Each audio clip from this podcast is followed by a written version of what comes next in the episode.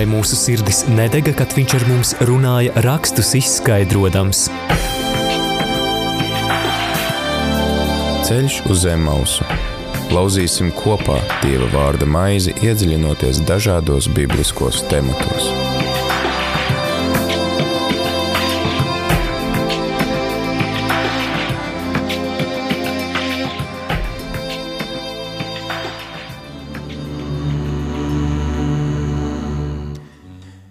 Rādījumā arī Latvija klausītāji ir 4 un 2 minūtes 4. 7. aprīlī ar tevi ēterā priesteris Pēteris Skudra un laiks ceļam uz Emausu. Dodamies tālāk šajā svētceļojumā cauri um, Pentateuham, piecām mūzus grāmatām. Esam tikuši līdz 4. mūzus grāmatai, līdz skaitļu grāmatai, un šodien tad piedāvāju tādu putna lidojumu pārskriet pāri 13., 14. un 15. nodaļai. Protams, ka kamēr mēs runājam šajā raidījumā ar mūsu raidījumu viesi, tikmēr tu vari pārlasīt šo, šīs nodaļas un arī padalīties ar to, kurš pants tevi uzrunā, vai varbūt kur kāds pants rada kaut kādu sašutumu vai kādas citas emocijas, tad droši vari dalīties ar šo savu pieredzi, da, lasot šīs nodaļas, un, protams, ja tev rodās kādi jautājumi, tad tu vari droši atkal uh, zvanīt, rakstīt īziņas un uzdot šos jautājumus, mēs tad arī centīsimies uz tiem atbildēt. Tad uh, ar to, kas tevi uzrunā, vai arī ar saviem jautājumiem, tu vari dalīties zvanot uz numuru 67 969 131, Arī raksta īziņas uz numuru 266 77 272. Priecāšos par tavu līdzdalību šajā raidījumā, lai mēs raidījumu viesi, tad, tad neesam vieni paši kā tādi lektori, kas kaut ko stāsta priekšā, bet ka mēs varam visi kopā dalīties ar to, ko lasam un ko mums katram kungs uzrunā. Šodien kopā ar mums e, šajā ceļā uz Emmausu atkal ir pavadonis, kā katru reizi, un šoreiz, kā izrādās, pirmo reizi es biju palēdis garām, jo mēs uzturam attiecības tā regulārākā tikai kaut kādā uh, ēterā vai raidījumos, un tas ir Lutrāņu mācītājs Induls Pečs. Labvakar! Labvakar! Jā, tad uh, klausītāji, meklē rokās skaitļu grāmatu, 4. mūzus grāmatu, šķirvaļā 13., 14., 15. nodaļu. Tā būs tā, ko mēs šodien tad arī pārunāsim un ceram arī dzirdēt tavu pieredzi, tavu, kā tevi uzrunā šīs nodaļas, šie panti.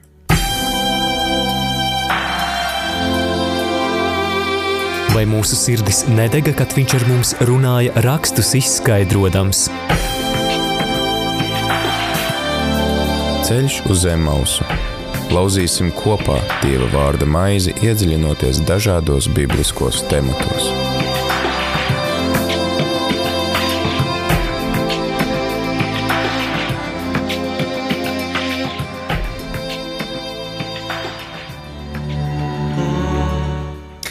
Jā, Tad uh, 4. mūzus grāmata, 13. līdz 15. nodaļa ir tāds uh, īstenībā tādi dramatiski uh, notikumi, kas mazliet, var teikt, atgriež atpakaļ to dinamiku, kas bija izceļošanas grāmatā. Ja mēs iepriekšējās nodaļās tur 10, 11, 12 lasām par to, kā beidzot tauta nu, sagatavojas doties prom no Sīnija kalna, uh, jau, protams, pirmajās dienās jau neiztiek bez kurnēšanas un sacelšanās, pat uh, Mūzus brālis ar māsu uzrīko dumpi. Jā, tagad tad uh, tauta beidzot ir nonākusi pie Kanānas zemes. Un uh, Dievs pavēl Mūzum sūtīt uh, izlūkus no katras cilts pa vienam pārstāvim, kuriem ir jādodās apskatīt uh, šo zemi, un tad pēc, kas interesanti, atkal 40 dienas šī tauta ir tajā apsolītajā zemē, atnes arī šīs zemes augļus, un tad tauta gaida to viņu, nu, var teikt, nu, kā tādu atskaitu, ko tad viņi ir redzējuši. Kāpēc varbūt tieši 40 dienas viņi tur uzturās un ko viņi dara šajā laikā, kamēr viņi tur izlūko to zemi? Nē, nu, vispirms jau skaitlim 40 vispār Bībelē ir tāda ļoti liela nozīme, kas uh, apraksta pietiekami ilgu laiku. Tas ir mm. tāds laiks, kas tev ļauj iedziļināties. Un vēlāk baznīca, starp citu, to ir pārņēmusi arī ar gaveņu laika skaitīšanu, ka tas ir tāds pietiekami liels laiks, lai tu varētu iejusties. Jo kas ir ļoti interesanti, tad uh, Ceturtā mūzes grāmata vai skaitļu grāmata uh, saka, ka tā ir tāda dieva pavēle sūtīt mm. šos izlūkus bet vēlāk, kad kā atmiņu veidā to atstāsta no piektās mūzes grāmatas dažiem fragmentiem, varam nolasīt, ka tauta pati vispirms ir nākusi ar šo iniciatīvu, ka būtu tā kā prātīgi un labi, ka vispirms mēs aizsūtītu kādus, nu, paskatīties, kāda tad ir tā zeme, un pats galvenais, kas laikam cilvēkiem tieši interesē, nu, kas tad tur pa pretinieku varētu stāvēt mm. mums priekšā. Un uh, faktiski šī dieva pavēle ir tāda atsaukšanās uz šo cilvēku, uh, teiksim, vēlmi, bet vienlaikus ar mazliet citu akcentu, jo, redz, tad, kad cilvēks skatās nākotnē, nu kā jau kurš, protams, dažreiz mēs fantazējam, cik viss būs labi, bet ļoti bieži mēs arī skatoties nākotnē redzam visādas briesmas. Un šķiet, ka tas, ko Dievs vēlā šajā gadījumā izdarīt, viņš saka, uh, Nu jā, tā ir laba doma, ka tu, ka tu ej pretī kādam mērķim, ka tu ik pa brīdim mēģini viņu apdomāt. Nu, kas tad ir tas, uz ko tu ej? Kas ir tas, ko tu redzi tur priekšā? Nu, tādā ziņā izzināt, mēģināt saprast, sajust to mērķi nav slikti. Mm -hmm. Bet, diemžēl, pēc tam 40 dienām izrādās, jā, ka nevis ir tas labais ieraudzīts un novērtēts, lai gan arī kā tas, bet ir galvenokārt ieraudzītas visādas iespējamās problēmas un briesmas, cik tas būs grūti, cik tas būs sarežģīti šo mērķi sasniegt no sērijas acis darba izbijās, rokas darba nebijās. Nu, kaut kas no tā, kaut kas Jā. no tā.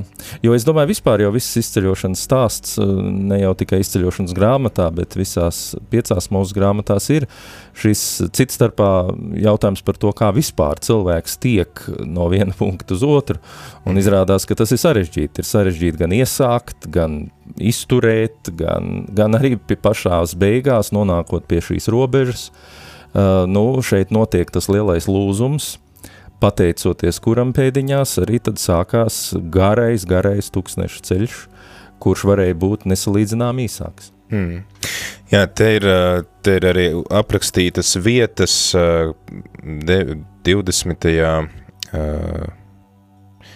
Nepiedodiet, 21. un 22. pantā ir līdz 24. pantam, tad ir arī aprakstīts tas, kādas vietas viņi apmeklē, un te var arī redzēt, ka svētie raksti ir salikti no vairākām šīm mutvārdu tradīcijām, jo te vienā pantā ir teicis, ka viņi ir aizgājuši līdz Hebronai, kas ir bijusi Dāvida pilsēta, galvaspilsēta pirms Dāvids pārcēlās uz Jeruzalemi, un tad tas ir nu, tiek cilvēki apmēram, kas ietomājās kārti no Jeruzalemes uz dienvidiem, kādus 30 km, savukārt tad um, 21. pantā šī rehoba, kas iet uz Hamatu, tas jau būtu, viņi būtu aizgājuši līdz pašai Libānai, gandrīz tad pārsteigājuši visu to zemi, iespējams, ka 40 dienās tas ir iespējams. Atnākt vēl arī atpakaļ, varbūt, ka tā ir vienkārši tā tad, nu, tāda, kā pateikt, simboliska valoda, nu, ka viņi ir izsteigājuši tur, cik, cik jau nu var izsteigāt, un jā, viņi atnes atpakaļ, atnes atpakaļ pat augļus un stāsta, ka šī zeme ir tiešām, kur piens un medus tek, bet viņi nobīstās no cilvēkiem. Viņi nobīstās no cilvēkiem, kur ir lieli kā milži, un mēs viņu priekšā būtu kā siseņi, ka, kas tie ir par cilvēkiem. Nu, protams, šeit arī skaidrojumi ir daudz un dažādi. Vieni tajā saskata eh, teju vai mītiskas būtnes, tiešām milžus tādā tiešā nozīmē, ko arī šis vārds anak eh, varētu nozīmēt, eh, bet tai pašā laikā, man liekas, tas vārdiņš siseņa šeit ir tas izšķirošais. Jo tā tad vēlreiz Dieva pavēle ir iet un izpētīt šo zemi, kāda tad viņa īstenībā ir vai viņa dod to, kas tev ir vajadzīgs, vai tur ir lauki, vai tur ir meži, vai tur ir viss nepieciešamais, kādas tur ir pilsētas, vai viņas ir nocietinātas un tā tālāk. Un es domāju, ka tas tā dieviecer ir vēlreiz, lai šie izrēlieši redz, kāda tad būs tā zeme, kurā īstenosies visi tie tālākie apsolījumi un plāni, un kas būs tā zeme, kurā arī citas starpā vajadzēs tos dieva likumus realizēt. Mm. Jo šī izredzētā zeme, viņa jau nav tikai vieta, kur dzīvot.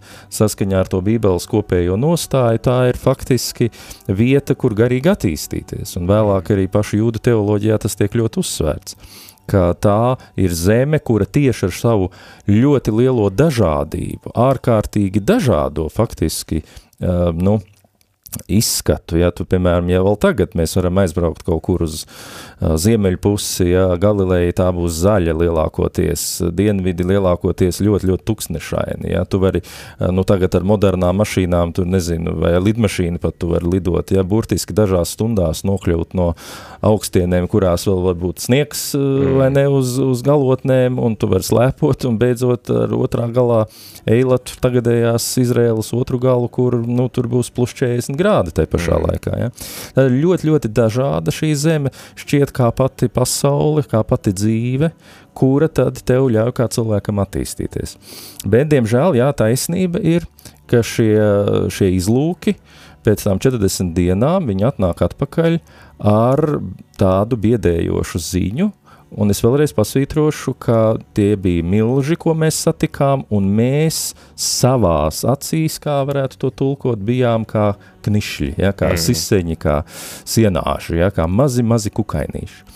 Un tagad man vienmēr liekas tā interesanti, nu, kā tas ir, vai, vai tiešām tam milzim pat ir jābūt milzīgam, ja tu pats savās acīs jūties kā knislis, mm. tad tev mm. priekšā var būt arī visnotaļ normāls cilvēks vai normāls grūtības, bet tāpēc, ka tev pietrūkst šīs uh, uzticēšanās, pietrūkst tās pašapziņas, varētu teikt, uh, tad tu neko arī nevari sasniegt. Un, protams, cita starpā, nu, es nezinu, vai mēs vēl pieskarsimies tam, Protams, ka tas lielais jautājums ir tieši par to, ka mēs savās acīs bijām kniši. Mm. Un droši vien tad, kad cilvēks skatās uz savu dzīvi ārpus dieva konteksta, tad, kad viņš tiešām skatās tikai uz sevi, tad, kā psalmis saka, kas gan ir cilvēks. Ja? Es mm. paskatos uz visu pasauli, uz universu izmēriem, es paskatos uz vēstures izmēriem. Nu, mana dzīve ir tāds puteknīts. Ne? Mm. Es jau esmu knisls, es jau neko nevaru izdarīt. Mm. Ko es varu iesākt ar pasaules lielajiem notikumiem un varām? Mm. Mm. Jā, te arī viens no skaidrojumiem, kas varētu būt arī ar šiem milžiem, ir tas, ir arī atsauci uz otro Samuēla grāmatu 21. nodaļu, kur Dāvids cīnās ar tādiem, nu, izlases, teiksim, tādiem elites karavīriem, ka tie varētu būt arī milži, nu, vai arī, tad, teiksim, šie anākieši, ka viņi būtu tie kaut kādi, nu, tādi izlases vai, teiksim, ar, ar slavu apveltīti, ka viņi ir labi, labi karotāji, kas, protams, tad šiem, šiem izlūkiem liek pazaudēt dušu. Bet, ja, klausoties to, ko tu sacīji par to raudzīšanos uz sevi kā uz niecību, Protams, ka tā ir tāda, nu, tāds kārdinājums, varbūt ir arī no psiholoģijas cilvēkam iesaisties tādā mocekļa, cietēja pozīcijā, lai mani žēlo un es jau neko nevaru, caur kuru tāpat īstenībā izpaužās diezgan liela lepnība un, un egoisms, ka, nu, te tagad nāciet un žēlojiet mani, bet man nāk alternatīva rakstu vieta, lasot šo, Es tā domāju, kā to sajūgt ar tiem vārdiem, ko Jēzus saka, ka neviens karavīrs, nu, karavadonis neies karā nepadomājas, viņš ar desmit mm. tūkstošiem varēs cīnīties pret des, 20 tūkstošiem, vai neviens namdaris, ja uzsācis celt torni, vispirms neapsēdīsies un nepadomās, vai viņam vispār pietiks līdzekļi šī torņa celšanai. Tad, nu, kur ir tā, jā, kas jau varētu teikt tāda dieva izaicināšana vai pārgalvība, un kuri tā ir tiešām jau tāda mazvērtība, ka es aizmirstu to, ka Dievs ir kopā ar mani. Jā, nu, ļoti labs jautājums. Es domāju, jautājums ir par mērķi. Tanī brīdī, kad es pats to mērķi izvirzu, droši vien tas, man liekas, ir par ko Jēzus runā. Viņš runā par to, ka kādreiz cilvēki paši uzņemās kaut kādas nastas pienākums, taiskaitā garīgas, kaut kādas asketiskas formas un tā tālāk, kas tiešām ir viņu iedoma. Mm. Un rezultāts ir tāds, ka viņiem neizdodas pašiem to īstenot piepildīt, un pēc tam viņi ir dziļi nelaimīgi un dusmīgi beigās uz Dievu vai uz visu pasauli par to, ka rekā man nesanāca. Un kā es te mēģināju, man neizdevās. Mm. Bet eh, šeit jau tas, tas fons ir pavisam cits. Te jau nav runa, saprotat, nu kā lai pasaka, vispār jau ļoti jocīgi, ja? Nu, Dievs ved savu tautu uz apsolīto zemi. Ko mēs tiešām nopietni jautāsim, vai viņa ir laba vai nav laba, vai tiešām tur ir viss kārtībā vai nē.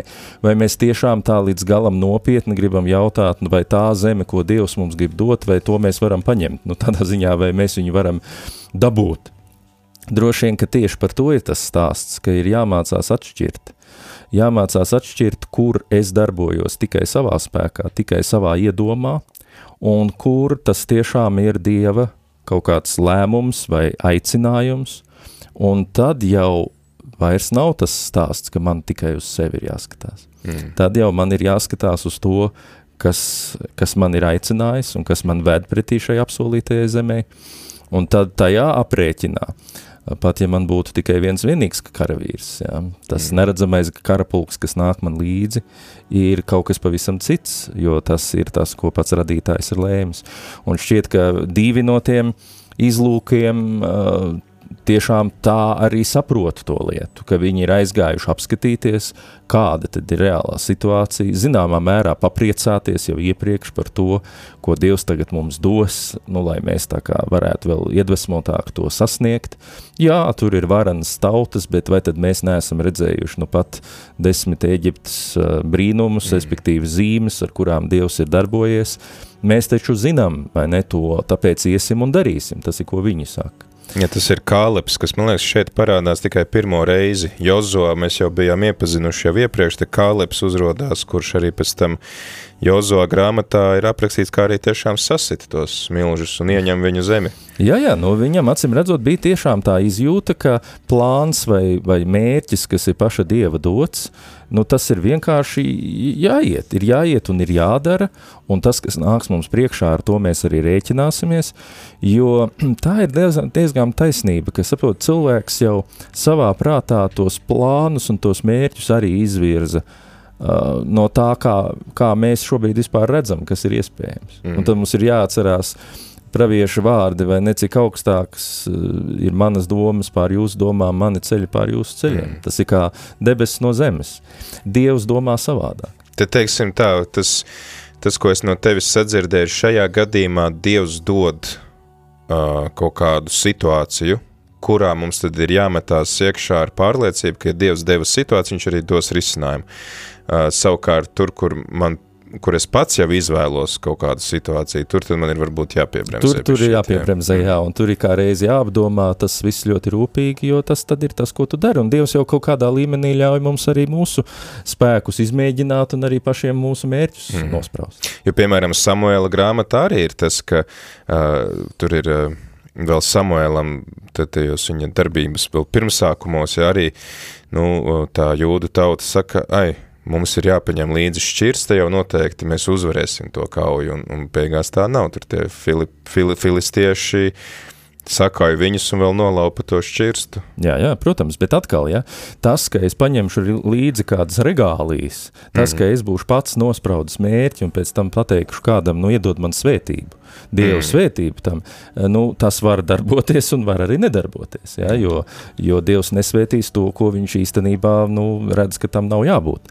Bet eh, tajā pašā laikā cita lieta ir tie gadījumi, kad mēs redzam, ka tie vadoņi pavisam nopietni un īsteni ir jautājuši Dievam, vai man mm. ir jāiet vai nav jāiet. Mm. Un tevis pašas pieminētajās gan soģu, gan, man liekas, arī tur, bet arī, protams, vēlākajās grāmatās ir aprakstīts tas, kā, piemēram, kādas interesantas situācijas, kur ķēniņš tā kā gaida, viņš saka, nu, vai man šodien iet? Mm. Un kungs saka, nē. Mm. Un viņš pēc laika prasa, nu tagad, un nē, un tikai trešajā reizē tagad Dievs saka, jā, tagad ej. Mm. Ja? Un tā uzvara ir.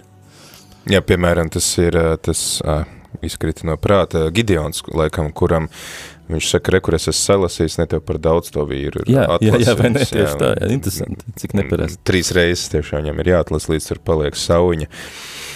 Nu jā, tad, respektīvi, šī ir situācija, kur Dievs vienkārši noliek tautu faktu, bet tas ir līdzīgi kā arī šodien es varbūt tās nonāku vienkārši kaut kādā situācijā, kur es saprotu, ka es nevaru ietekmēt to, ka tā situācija nav, Bet tas, ko es varu darīt, ir teikt, ok, labi, ir nezinu, ir piemēram pandēmija, bet tad es darīšu visu, ko es varu izdarīt, jo es nevaru izmainīt šo situāciju, un es nebēgu prom no tās. Jā, jā, nu, protams, un es domāju, ka tā, jau tas centrālais jautājums ir par to, cik vispār mēs mācamies to Dievu vadību gan sajust, mm. gan viņai ļauties arī savā ikdienā, lai tā nav tikai tāda atsevišķa kampaņa. Mm. Un te jau arī ļoti interesanti, vai ne, tātad iziešanas process jau ir bijis gana garš. Viņi jau ir tur tomēr. Šī vairāk kā divi gadi. Jā. jā, viņi jau ir gājuši, viņi jau ir, lūk, baušļu saņēmuši, paspējuši teļu uzcelt un atkal uh, atgriezties un tā tālāk projām. Tur jau visādi procesi bijuši un atkal un atkal faktiski ir skanējis šis referents, ka ka Dievs ir ar mums, ka Viņš mums palīdz, ka Viņš mūs aizsargā, ka Viņš mums dod ūdeni tuksnesī no klints, pilnīgi neiespējamās situācijās Viņš mūs izved laukā. Un man liekas, ka tas lielākais grēks, ja tā drīkst teikt, šo, šiem te spiegiem, kas ir izrēliešu, izrēliešu cilšu vadoņi, ko nedrīkst arī teiksim, par zemu novērtēt. Tur tiek sacīts, ka ir jāizraugās no katras cilts, nu tie labākie, ja. Mm. Un ka tas viņa tas lielais, tā lielā problēma ir tieši tas, ka tā iepriekšējā pieredze netiek ņemta vērā, un līdz ar to viņi it kā iet līdzi Dievam, bet šķiet, ka šeit parādās pēkšņi, ka, nu es uzļaus, atļaušos tādu spekulāciju teikt, viņi kaut kādā ziņā pēkšņi parāda, ka īsti līdz galam nemaz neuzskata to par tādu Dieva uh, ceļu. Nu, zin kā jau, kā tas kādreiz ir tautu vadoņiem, viņiem liekas, mēs jau esam tie, kas to vada, nu, Mūzes mums te ir, vai ne, mums jau jābūt tiem prātīgajiem. Un viņi pazaudē to, ko tikai tie divi, Kāleps un Jošo, eh, kā viņi sajūt, ka nē, nē, tas taču ir Dieva ceļš, tas taču ir Dieva ceļš. Un pat, ja Dievs teica, ejiet un apskatiet, kādas tur ir tās pilsētas, tad vienkārši, lai mēs to zinātu, nevis, lai mēs tagad nobītos un teiktu, nē, nu mēs to nevaram sasniegt. Tad Kas atkal, man liekas, interesants tāds simbolisms, tas kālips nāk no jūdas cilts, un jūdas cilts ir tā, kas visilgāk ir uzticīga, arī tad, kad tā tauta sašķeļās, tieši jūdas cilts ir visilgāk uzticīga Dieva izvēlētajiem karaļiem, un Jeruzalemes arī šim kultam, nu, līdz, protams, arī viņi krīt vienā brīdī. Jā, jā, protams, un es domāju, ka, nu, nu varētu no vēsturiskā viedokļa teikt, ka zināmā mērā eh, šis te bībeles teksts eh, ir ticis slīpēts un veidots arī pašas mm. jūdas cilts ietveros ap Jeruzālēm, protams, mm. un līdz ar to it kā varbūt viņiem bija svarīgi izcelt, ka, lūk, tur jau pie starta bija kādi, kas tam ticēja. Mm. Bet es domāju, ka tā ir tiešām tāda dievišķa patiesība, ka cilvēki mēdz būt dažādi, uh, Un arī mūsu ticība vai neticība, nu, viņa bieži vien ir tāds stāsts par to vidi, kurā es esmu, to ģimeni, kurā es esmu audzis, mm. to kontekstu, kas man ir veidojis, jo nu, no tā ir ļoti daudz kas atkarīgs. Jā. Jo, nu, jūdas cilts arī pēc tam ir tā, no kuras ceļās Jēzus kur augšām celšanās svētkus mēs drīz svinēsim. Jā, tad klausītāji atgādina, ka šodien sarunājamies ar luterāņu mācītāju Indulu, Induli Paiču, un mēs sarunājamies par 4. mūsu grāmatas, skaitļu grāmatas 13, 14, 15 nodaļu. Aicinu arī tevi padalīties ar to, kas tevi uzrunā šajās nodaļās, šajos pantos, ir kādi jautājumi, droši var uzdot arī tos. Zvani uz numuru 67 969 131, vai arī raksti īziņas uz numuru 266 77 272. Priecāsimies par tavu līdzdalību un droši jā, tad lasi un, un dalies ar to, kas tevi uzrunā. Kas ir interesanti, ka tad, kad tauta dzird šo, uh, nu, šo, šo visu atskaiti, Un šīs drūmās vēstis pārsteidzoši kārtējo reizi viņi saka, kaut mēs būtu miruši Eģiptes zemē, kaut mēs būtu miruši šajā tuksnesī, kādēļ kungs mūs ved uz zemi, kur mums būtu jākrīt no zobena, mūsu sievas un mazuļi kļūs par laupīm, vai mums nebūtu labāk atgriezties Eģiptē. Eģiptē, kur tiešām viņus slepkavoja, Tas nebūtu bijis nekāds baigais noziegums tur nosist kādu ebreju un, un viņus apkrāva ar darbiem, nu dzīves nekādas, jā, guli, vairojies un ik pa laikam paēd, nu visa tā vergu dzīve. Un tomēr viņi saka, ai, labāk ejam atpakaļ. Mm.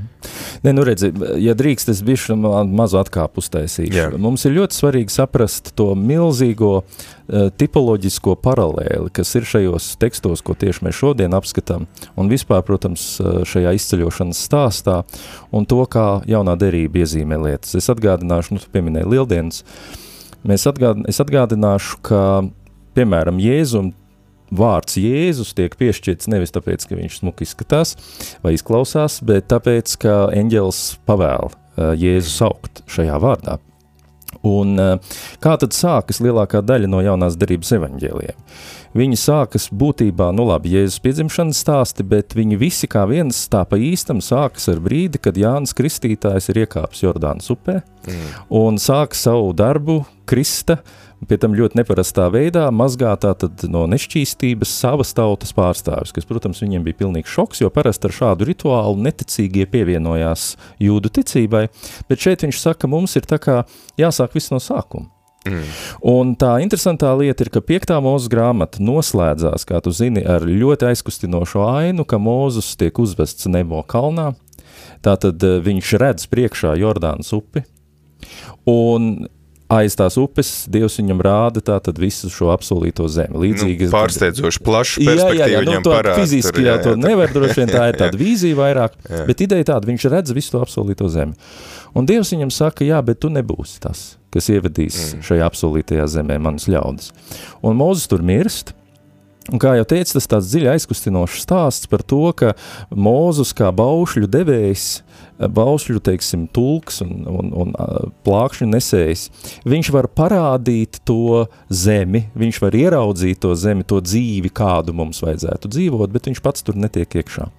Un Mūzes darba turpinātājs ir šajos, tieši šajā nodaļā pieminētais Jozo. Mm. Un tu teici, ka viņš ir pieminēts jau iepriekš, bet es nezinu, 13. nodaļā, atgriežoties vēl mazliet 16. pantā, mēs lasam ļoti interesantu uh, faktu, ka Mūzus nosauca uh, Jozo par Jozo tieši šajā brīdī, ka līdz tam viņam bija vārds Hozejs. Jā. Jā, Un tā tad Mūzes piešķir viņam šo vārdu, un Jozo iet iekšā pirmo reizi, ja tā drīkst teikt, apsolītajā zemē. Patiesībā tas tas pats Ješo, kas ir arī Jēzus. Tas, kas, kas ir Jēzus, jā. jā. Un atceries, ka tad, kad uh, Jānis Kristītājs tātad kristī, kāpēc Jēzus viņu saka, viņš, par viņu saka, ka viņš ir vislielākais, kas no sievām ir dzimis? Varētu likties, nu, Mūzes taču ir vēl svarīgāks vai kaut kā tam līdzīga, bet viņš ir vēl vienu solīt uz priekšu. Viņš ir tā kā tur, kur Mūzes apstājās, piecas mūzes grāmatas, viņas apstājas pie šīs robežas. Un savukārt Jānis Kristītājs ir vienu soli tālāk, ja tā drīkst teikt, un tur viņš sastopās ar Jēzu, notiek Jēzus kristīšana, un tad Jēzus dodas, atceries, tuksnesī. 40 dienas tuksnesī. Mm. Un pēc tam viņš atgriežas, viņš sāk kalpošanu, Mm. Un visa Jēzus kalpošana parādījās arī tajā viņa kristība brīdī, jo atceries, tajā brīdī, kad viņš tiek kristīts, mēs lasām debesis atvērās un balodas, respektīvi svētais gars kā dūja, kā balodas nolaidās. Un mēs pēkšņi saprotam, ko evaņģēli grib mums pateikt, ka runa jau par apsolīto zemi nav tikai par fizisku teritoriju. Runa ir par šo citādo dzīvi. Mm. Mūzus ar saviem likumiem var mums parādīt, nu kādai vajadzētu būt cilvēku dzīvei. Mhm. Bet tai robežai pāri pārved tas, kurš ir Jozo. Un tas pirmais Jozo to izdara fiziskajā līmenī un atver to, to fizisko uh, apsolīto zemi, vai ne, ar savu ticību.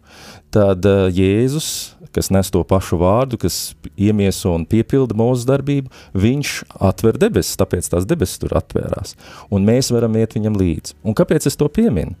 Tāpēc, ka tas, ko tu saki, tauta Tātad Jozo iet, viņš izstaigā šo zemi, nevis tūkstnesi, bet šo auglīgo zemi. Jēzus izstaigāja tūkstnesi, viņš atgriežas atpakaļ, un ko viņš dara? Pirmais, ko Jēzus dara, uh, viņš aicina savus pirmos mācekļus. Viņš saka, nāciet man līdzi. Mm. Un ja tev ir šī ticība, ja tu esi gatavs viņam sekot, ja tu tici tam, ka Kristus ir tas ceļš, kas var tevi ievest tajā apsolītajā zemē, neskatoties uz visām grūtībām, uz to, ka cilvēciski tas nav iespējams uh, visādi šķēršļi, tad tu vari to iekļūt.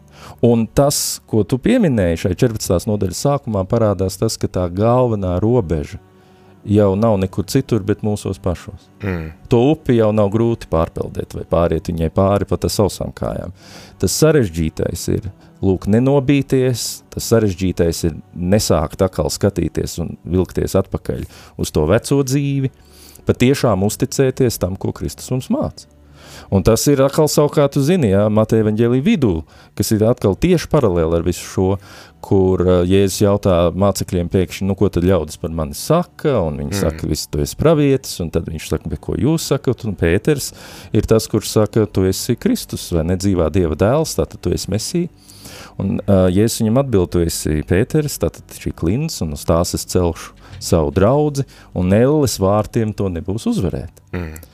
Un tad es vienmēr uzdomāju, domāju, ka mēs kaut kā par tiem elles vārtiem neaizdomājamies, jo vārti jau ir pasīva struktūra. Tas jau nav tā, ka tu ej pa ielu un tev nāk vārti virsū un tad tu atkaujies un vēl pēc brīža. Bet vārti nozīmē, vārti uzvar durvis, uzvar tad, kad tev nav atslēgas. Mm. Tu ej un tu netiec cauri. Ja tev ir atslēga, tu tiec. Un šajā gadījumā, ja es saku, es tev došu debesu valstības atslēgas, ko tu siesi, mm. tas būs siets, kas, ko tu atraisīs, būs atraisīts. Un te ir tas stāsts mēs jau, mīļie, esam savā ziņā nevis kaut kādā tādā tajā sākuma posmā mēs esam nevis kaut kādi tur tie svētie un pareizie, un tad apkārt vienkārši sliktā pasaule, bet drīzāk tas stāsta par to, ka mums visiem starta punkts, diemžēl, ir tā Eģipte. Starta mm. punkts ir tā, tā elle, teiksim, tā, tā dzīve, kurā dievišķās gaismas pietrūkst. Un kas ir atslēga? Ja tu gribi to dzīvi izmainīt savā spēkā, elles vārti tev uzvar ja? tavas paša bailes, uh, Anaka dēli sazina, kas tu vienmēr atradīsi iemeslu, kā teļ tev neizdodas un neizdosies, bet ja tu uzticētos tam, ko toreiz Jozoā teica un Kāleps teica, ja tu uzticētos tam, ko īstenībā Mūzus mācīja, ja tu uzticētos pāri visam pašam Kristum, kas ir tā atslēga, tas dzīvais mūsu kungs, kas mūs vada, tad mēs varam iet. Jā, te mēs redzam, ka tā reakcija no Mūzus un Ārona puses ir krist visas Izraēla tautas priekšā uz zemes, kas nu, simbolizē tādu, kas ir īstenībā grēku nožēles akts svētajos rakstos, un tad viņi tā kā lūdz uh, par tautas grēkiem, ka tauta saka, labāk tad atgriežamies Eģiptē, savukārt tad Jozo un Kāleps viņi pārplēš drēbes, kas simbolizē tādu sašutumu, bet arī skumjas, sēras. Um, esmu lasījis komentāru par to priekškaras pārplēšanu sveitnīcā, kad Jēzus nomirst, mm -hmm. ka tas būtu tā kā, jo tas priekškars bija tas, kurš šķīra uh, nu, vissvētāko vietu, vai ne, kur Dievs mājoja e, šajā templī, tad e, tas būtu kā tāds simbols, ka Dievs skumjās, vai tēvs skumjās par sava dēla nāvi, pārplēš savas drēbes, kas tad būtu šis, e, šis priekškars, kas šķirtas tāds viens no skaidrojumiem, Un, manuprāt, ir ļoti iespaidīga šī te uh, Mūzus lūkšana un vispār tā, tas, kā Mūzus iestājās uh, par uh, savu tautu, Uh, jau Dievs sadusmojās, viņš saka, cik ilgi šī tauta mani nievās, cik ilgi viņi neticēs par spīti visām tām zīmēm, ko es viņiem esmu darījis, un tad viņš kā saka, es attiekšos no viņiem, bet darīšu tevi par uh, lielu un varenu tautu. Un kas ir interesanti, ka tā vietā, lai mums teikt, nu, ok, es būšu tā lielā tauta, viņš saka, nu, nē, nē, esi pacietīgs ar viņiem, Man liekas, es e, lasīju kādu komentāru, kur e, kāds biblists saka, ka šie brīži ir bijuši pārbaudījumi īstenībā pašam mūzum, ka viņš joprojām saglabā to mediātora lomu, nevis, ka, nu, īstenībā, jā, Dievs, tev taisnība, viņi te visu laiku tevi uzmet, es te taisīšu jaunu dzimtu, ja, bet ka nē, ka viņš turpina iestāties par tautu un atgādināt Dievam viņa solījumus, ka, ka caur to, jo īstenībā Dievam jau nav nekas jāatgādina, uh, Un, manuprāt, tas parāda milzīgu šo pazemību un tādu tiešām savas lomas apzināšanos, ka man ir jābūt par vidutāju, nevis. Jā, es domāju, to aizskar ļoti, ļoti lielu un ļoti svarīgu tēmu, jo uh, par mūzu runājot, es pieminēju nu pat, ka savā ziņā viņš noslēdz savu dzīvi vai ne uz apsolītās zemes robežas, nebūdams tas, kas viņā ieiet iekšā. Un uh, ir tur tāds viens notikums uh, vēlāk, kas tiek, uh, nu, nu, teiksim tā, kur ir tas brīdis, kurā viņš kā kaut ko pirmo reizi tik ļoti nepareizu, ka Dievs viņam saka, nu tagad tu nebūsi vairs tas, kas ievedīs manu tautu. Nu, tas bija tā par to klints sišanu, jā, par to klints sišanu divreizējo. Un tā ir bijusi ilgus gadu tūkstošus mīkli, protams, visiem teologiem, kas tad īsti tur notiek, nu it kā nekas tāds, nu viņš tur koku piesitē, varbūt viņam vajadzēja teikt, vai ne ar vārdiem, kā mm. Dievs viņam teica, varbūt mm. viņš ar koku. Un cilvēki ir meklējuši tās ārējās zīmes, bet man ļoti patīk tas skaidrojums, ka tā ir pirmā situācija, kur Mūzus izrādās, kā tu nu pat teici, nepacietīgāks, mm. varbūt, un tāds, nu, viņš ir tā kā saniknojies uz to savu tautu. Nu, viņam tiešām ir, kā teikt, līdz kaklam tas viss. Mm. Un tanī brīdī viņš vienkārši, nu tā, tā attieksme mainās. Un redzi, tas ir tā starpības, tā ir tā milzīgā starpība starp mūzu un jebkuru cilvēku, kuram ir lieli pacietības mēri, ļoti lieli pacietības mm. mēri, un to, ko mēs redzējām Kristu. Un tā ir tā starpība, jo tas, kas mūzum, ko Dievs, eh, tā pirmā doma, kas viņam ienāk prātā, ko viņš arī dzird, ka Dievs viņam saka, ir, nu klausies, nu ja tie cilvēki negrib, nu ja viņi negrib, piemēram, nu nezinu, mācekļi, nu ja viņi negrib saprast Jēzu, ja viņi negrib uh, uzticēties. Nu, lai tad viņi iet, nu, nu lai viņi iet, mēs paliekam, ja? un mēs paliekam aizvien mazākā, šaurākā lociņā, tie, kas uzskatām, ka mēs esam pareizi.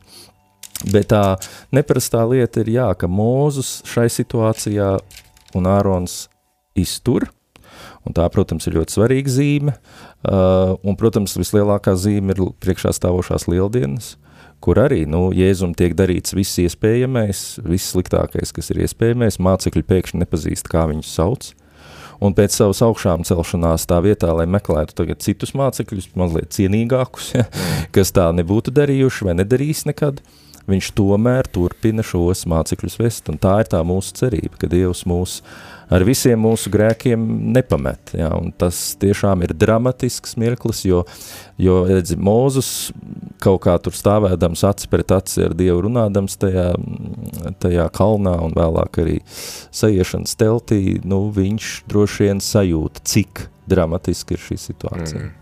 Mm. Te vēl pirms tās mūzus lūkšanas var uh, salīdzināt, uh, ko, piemēram, 13.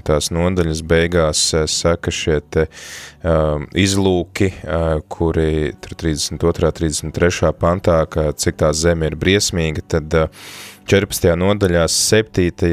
pantā līdz 9. pantam mēs varam redzēt to Kāleba un Jozoa versiju, tāda varbūt tāds paskaidrojums par 9. 9. panta fragmentu, kas varētu būt nesaprotams, te ir teikts, pret kungu jūs nedumpojiet, nebīstieties no tās zemes ļaudīm, mēs ēdīsim tos kā maizi, viņu ēna ir prom. Un tad komentāri saka, ka šis vārds ēna ir tas kaut kas līdzīgs, kā jūdi piedzīvoja sava dieva klātbūtni caur mākoni, tāda dieva, dievišķības klātbūtni, tad ar šo ēnu, nu tā kā šo cilvēku dievi ir projām un, un viņus nebūs, kas aizstāv, jo arī viss caur, tad vecajā derībā mēs varam lasīt arī šo nu, antīko kosmoloģiju, ka katrā tautā mīt savus dievs un tautām karojot savā starpā karo arī dievi. Uh, savā starpā. Viņi saka, nu nē, šos cilvēkus viņu dievi ir atstājuši, un reku mūsu dievs ir ar mums, ar mums ir kungs, ja nebīstieties no viņiem. Manuprāt, arī tāds uh, piemērs, ko mēs varam salīdzināt. Vienu un to pašu redz teritoriju, vieni un tie paši cilvēki, ja, tā pati tauta, tā pati cilds, bet cik dažāds skatījums. Un mums kā reiz arī tad uh, klausītājs Jānis jautā, kā, nu, no kā tad ir atkarīgs, re, kur diviem ir šis drosmes gars, desmit cilvēkiem ir baiļu, mazdūšības gars, no kā tad atkarīgs kāds, kādam garam, kāds gars tad dominē mūsos? Mm. Nu, redzi, nu šis jau pēdējais jautājums, protams, ir ļoti liels noslēpums, tāpēc, ka no vienas puses, protams, varētu ļoti vienkārši atbildēt, tas ir atkarīgs no tā, kas notiek tavā garīgajā dzīvē. Mm. Respektīvi, cik tu pats personiski tās attiecības veido kopu, cik tu pats ej to garīgo ceļu iekšēji. Mm. Uh, no citas puses, protams, vienalga varētu vēl ar vienu to jautājumu uzturēt spēkā un teikt, nu kāpēc tad ir tā, ka viens cilvēks sajūt šo motivāciju, to garīgo dzīvi veidot, un otrs nesajūt šo šo garīgo mm, aicinājumu vai mudinājumu tik spēcīgi. Un man jāatzīst, ka, protams, mēs nevarēsim izvairīties, ka te ir sava daļa tādi noslēpumi, tādi neizdibināmi kaut kādi providences ceļi, bet to, ko mums vajadzētu darīt, ir ne tik daudz to providences mēģināt atminēt, vai vēl jau vairāk tur citus vērtēt, vai tad viņi ir tādi vai nav tādi, bet vienkārši saprast, kur to garu dabū. Mm. Un tas gars tiešām ir paša kunga klātbūtnē, paša kunga tuvumā. Mm. Un šķiet, ka tāpēc es pieminēju to, ka tas vārds tika nomainīts. Ja? Bībelē vārda mainīšana gan arī vienmēr saistās ar tādu lielu iekšēju pagriezienu, pavērsienu. Tas ir vienmēr nu, tā, ka cilvēks ir piedzīvojis kaut kādus dziļus pieskārienus. Un tāpēc es būšu primitīvi vienkārši, un es teikšu, ka iespējams, ka šajos divos tautas vadītājos mēs redzam uh, lūk šo lielāko pazemību savā ziņā Dievu priekšā, kas padara viņus pārsteidzošā kārtā pārliecinātākus pasaules priekšā.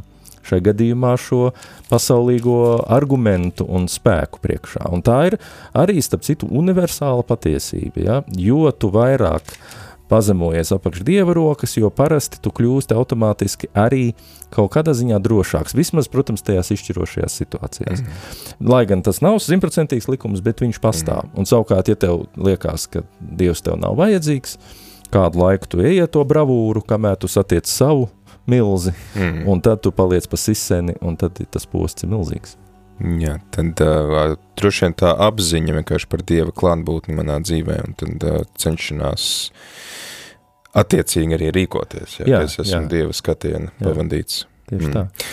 Te, uh, jā, tad Dievs uh, uzklausa Mūzus lūkšanu, viņš saka, es piedodu, kā tu teici, bet viņš saka, tomēr tad ir jārēķinās ar sekām, visiem ir jāiet atpakaļ tūkstnesī, un kamēr visi nenomirs, izņemot Jozo un Kālebu, jo viņi tad uh, bija tie, kas bija uzticīgi, es viņus aizvedīšu atpakaļ, un tad viņš pavēl doties uz Niedru jūru. 25. pantā tas ir uh, faktiski starta punkts, kur viņi bija pārējot Visnotaļ, jā. Sākās tāds, tāds aplis jauns, mm. un tas interesantais ir tas, ka, kāpēc es teicu, kāpēc Mūzes un Ārons nometās arī pie savu vaiga, un, kā es teicu, sajūta, cik ļoti dramatiski ir šī situācija. Viņi tiešām saprot to, ko jaunā derība, piemēram, ārkārtīgi skaidri mums parāda. Jēzus gadījumā, ja, kur, ja tu viņam nesako, nu tad uh, tad tas nav tik vienkārši, ka nu, gan jau būs vēl kādas iespējas un, tā tālāk. Projām. Tu nekad nevari tā. To, ar to tā rēķināties drosmīgi. Ja? Tas laiks, kas tev ir dots, kamēr tev ir tas logs atvēries, kur tu vari tajā citā realitātē iet, viņš nav bezgalīgs. Un tāpēc tas ir ļoti nopietns jautājums, un šeit tas parādās interesantā veidā. Mūzes aizlūdz, jā, Dievs nesūta kaut kādu tagad postītāju, kas vienkārši viņus visus izposta, uh, bet šī paudze tā arī to nepiedzīvo. Piedzīvo viņu bērni. Un tā dievišķā žēlastība ir tā, ka nu, tie bērni dzimst tur tajā tuksnesī. Un tad, kad viņi ir varbūt visu mūžu tajā tuksnesī nodzīvojuši, iespējams, ka viņiem ir pavisam cita motivācija tomēr uh, kaut ko arī tajā fiziskajā līmenī pamainīt nekā tie, kas ir tur it kā bijuši tajā Ēģiptē, un tad ir tuksnesī, un tad ir nobijušies un tam līdzīgi. Bet jā, tas atmet viņus atpakaļ izējas punktā, viņi iestrēgst, un vēlreiz salīdzinot ar jauno derību, ja, ja tev nav bijis Kristus aicinājums, tā ir viena situācija, bet ja viņš tev ir bijis, un tu esi viņam pateicis nē, mm. tā ir daudz uh, trakāka situācija, jo tad ir jāiziet bieži vien ļoti lieli loki, lai kaut kā šķīstītos un kaut kas mainītos. Nu, tā ir arī īstenībā paša Mūzus pieredze, ka viņš mēģina pats saviem spēkiem aizstāvēt tautu, viņam nākas bēgt, un tad pēc tam Dievs viņu atkal ved nu, mēģina vēlreiz, bet tagad nu, kopā. jā, jā, jā, nu, tieši tā, jā. tieši tā. Nu, tas ir kā Dievs mums māca. Jā. jā. Bet uh, interesanti, ka šeit ir vēl trešā ļaužu grupa, 14. nodaļas beigās uh, ir cilvēki, kas dzird šo strīdu, uh, starp Kālebu un Jozo un pārējiem. Viņi arī saka, viņi dzird arī mūzu, kas saka, ok, mums ir jāiet atpakaļ, un tad ir šie cilvēki, nu nē, mēs tad iesim un karosim. Mm. Un Mūzus viņiem saka, nu, neiet, tāpēc, ka tas vairs nav, nu, tā kā vai, vairs tas nav aktuāli. Un kas ir arī interesanti, ka tomēr arī Jozo un Kaleps neiet ar viņiem kopā. Man liekas, ka, nu, ja es būtu tāds entuziastisks, nu, kā Jozo un Kaleps liekas šīs nodaļas sākumā, nu, tad, ne, nu, kam on, nu, ejam, ejam, jo Dievs taču teica, ka mums ir jāiet, un, un kaut kā sanāk tāda akal, nu, ļoti smalka tā, tā visa situācija, ka Dievs teica visai tautai iet, tauta lielākā daļa saka, nē, mēs negribam iet, mums ir bail. Dievs saka, labi, jums tagad visiem ir jāiet atpakaļ, un tomēr ir daži, kas saka, nu nē, nu pagaiet, tu mums solīt, un mēs iesim karosim, tomēr Dievs saka, ar jums nav svētības. Jā, bet es domāju, ka te ir atkal tas mīklainais stāsts par to, ka pēc Dievs visu laiku par visu savu ganāmo pulku rūpējās. Tā izšķirošā lieta šeit ir tā, ka viena lieta ir izglābties pašam. Nu, tādā ziņā, ka tu tagad pats uh, mēģināsi, nu, zin kā, citi negrib, nu tad es iešu, ja? Bet Dievs jau bija apsolījis šo tautu tur ievest. Un uh, Dievs redz, ka tik līdz cilvēks ir pateicis šo nē, tam ir zināmas konsekvences, Dievs respektē šādus nē, bet tās konsekvences ir, ka tev ir jāiet šis augšanas ceļš un visai tautai. Un tanī brīdī, jā, tā ir arī ļoti interesanta tēma par to, ka manas izvēles ietekmē iespējams arī citu cilvēku, man apkārtējo cilvēku likteņus, un viņu iespējas. Tad tas arī nozīmē, teiksim, tā, nu, tas teiciens, ka uh, mēs ejam tik ātri, cik iet ātri mūsu vājākais posms, uh, nu, ja, piemēram, es esmu ļoti dedzīgs, bet, piemēram, mana kopiena vēl nav gatava tad man ir jāspēj piebremzēt ar to savu garīgo attīstību, lai pielāgotos tiem, kas lēnāk attīstās, lēnāk saprot kaut kādas patiesības. Un... Nu, tieši tā, jā. Nu, varbūt, nu, tur atkal līdzsvars, protams, dzīvēs, jā, tādā mm. ziņā, vai nu tiešām pie paša vājākā posma jāpieskaņojas, ja pie kaut kāda vidējā, bet es pilnīgi piekristu, un te atkal, nu, visu cieņu īstenībā, gan Mozum, gan arī Jozovam, un pārējiem tiem līderiem, kas tiešām saprata, par ko ir stāsts, Eh, viņi saprata vienu lietu. Ja mēs neesam varējuši tautu pārliecināt, tad eh, nu, es piebildīšu, ka tas kaut ko bišķiņ tā kā arī mums par mums pasaka. Mm. Un es domāju, ka tur viņi arī saprot, nu nē, tagad mēs nelaužamies iekšā tajā, mēs tagad vienīgais, ko mēs tagad varam izdarīt, nu vismaz tagad klausīt Dievam. Un, un, un mēs gaidām, ka tā jā. tauta būs gatava, nevis un, tagad, un, labi, jūs ejat tuksnesī, un mēs jā, tagad... un kad Dievs teiks, jā, tagad mm. ejiet, jā, jo mm. Dievs tagad saka kaut ko citu. Mm. Tas ir ļoti interesanti, ja, ka mm. tik līdz cilvēks izdara savas izvēles, tā arī tā dievišķā reakcija uzreiz mainās. Un tāpēc jau ir vērts tās izvēles izdarīt. Jo to var piedzīvot arī bieži vien ir cilvēki, kaut kādi sauņi cilvēki, kas baznīcā saka, o, baznīcā tur tie cilvēki tur iest iestagnējuši un tā mm. un šitā, un mēs te redz kaut kāds gribam tagad revolucionāras pārmaiņas, un, nu, ja tu tiešām esi tik attīstīts savā garīgajā dzīvē, tad tu spēsi paiet atpakaļ un teikt, labi, es pagaidīšu, kad kamēr pārējā tauta būs gatava šīm pārmaiņām. Un ne tikai tagad... pagaidīs, bet varbūt arī darbosies viņas Jā. labā, bet nu katrā ziņā tu neteiksi, nu, ja tu netiec man līdzi, es tad es iešu savu. Jā, jā. Tas ir tā kā mūzum, vai ne? Nu, tauta netiek tev līdzi, varbūt, nu, tā kā, nu, varbūt tu pats gribi. Mm. Ja? Un, Ja tik līdz viņš pateiktu, ka viņš grib, es nezinu, kas tad notiktu. Droši vien, ka varbūt arī Dievs kaut kā uz to reaģētu, ja? mm. bet skaidrs ir viens. Uh, Izrēla tautai viņš vairs par līderi nedara. Mm. Mm. Interesanti ir tas, ka daudzi dramatiski notikumi apraujās gan izceļošanas grāmatā, gan šeit, un eh, tā kā atgriežās pie, jo 15. nodaļa runā par akal par upuriem, kas jāpienes, nu tā kā liekas, mēs akal nonākam pie, pie tā, ko mēs lasījām Levītu grāmatā, pie tā, ko mēs lasījām izceļošanas grāmatā, akal par sabata ievērošanu, cik tas ir būtiski. Un, nu, varbūt tāds vienīgi vēl papildinājums ir par šiem pušķiem pie drēbēm, kuri būtu jākarina, kas ir teikts, ka tādēļ, lai jūs atcerētos visus baušļus, un jūs būtu svēti savam dievam.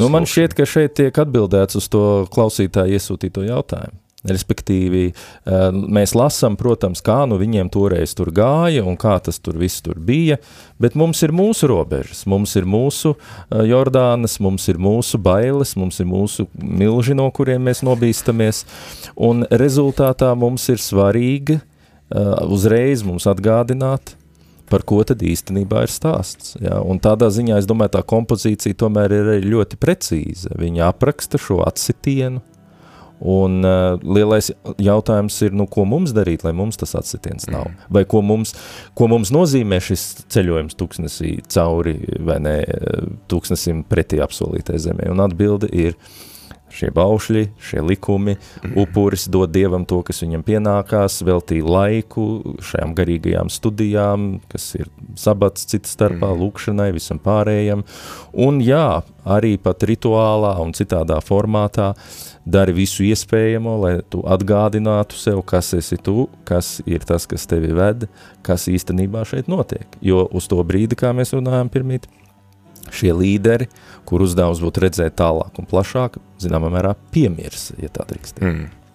Jā, paldies, mums jau raidījums ir pamazām jānoslēdz. Paldies Jānim par jautājumiem, paldies arī Birutē, kas saka paldies par izsmeļošo raidījumu, un jā, tiešām tad var pievienoties Birutē un teikt paldies tev, ka bija kopā ar mums un varēja mūs izvest cauri šīm nodaļām un palīdzēt tās labāk saprast. Man bija liels prieks un paldies visiem.